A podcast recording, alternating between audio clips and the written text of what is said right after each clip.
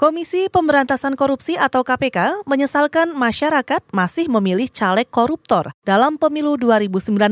Wakil Ketua KPK Laude M. Syarif mencontohkan caleg Golkar Bowo Sidik Pangarso berhasil meraup 11.000 suara meski telah berstatus tersangka suap. Bowo menempati urutan ketiga di dapilnya di Jawa Tengah dan Laude juga mengatakan masyarakat perlu mendapat edukasi agar tidak bersikap lunak pada perilaku koruptif. Memang kelihatannya masyarakat itu tidak terlalu memperhatikan latar belakang seseorang. Nah, padahal itu menurut saya penting. Pada saat yang sama mereka tidak suka ada korupsi tetapi mereka tidak pernah memperhatikan dengan sungguh-sungguh latar belakang track record dari orang-orang tertentu. Itu tadi Wakil Ketua KPK Laude M. Syarif. Sebelumnya KPK telah mengumumkan secara berkala caleg-caleg yang tersangkut perkara rasuah. Selain itu, KPU bersama kelompok masyarakat sipil juga membuat laman berisi informasi tentang rekam jejak para caleg.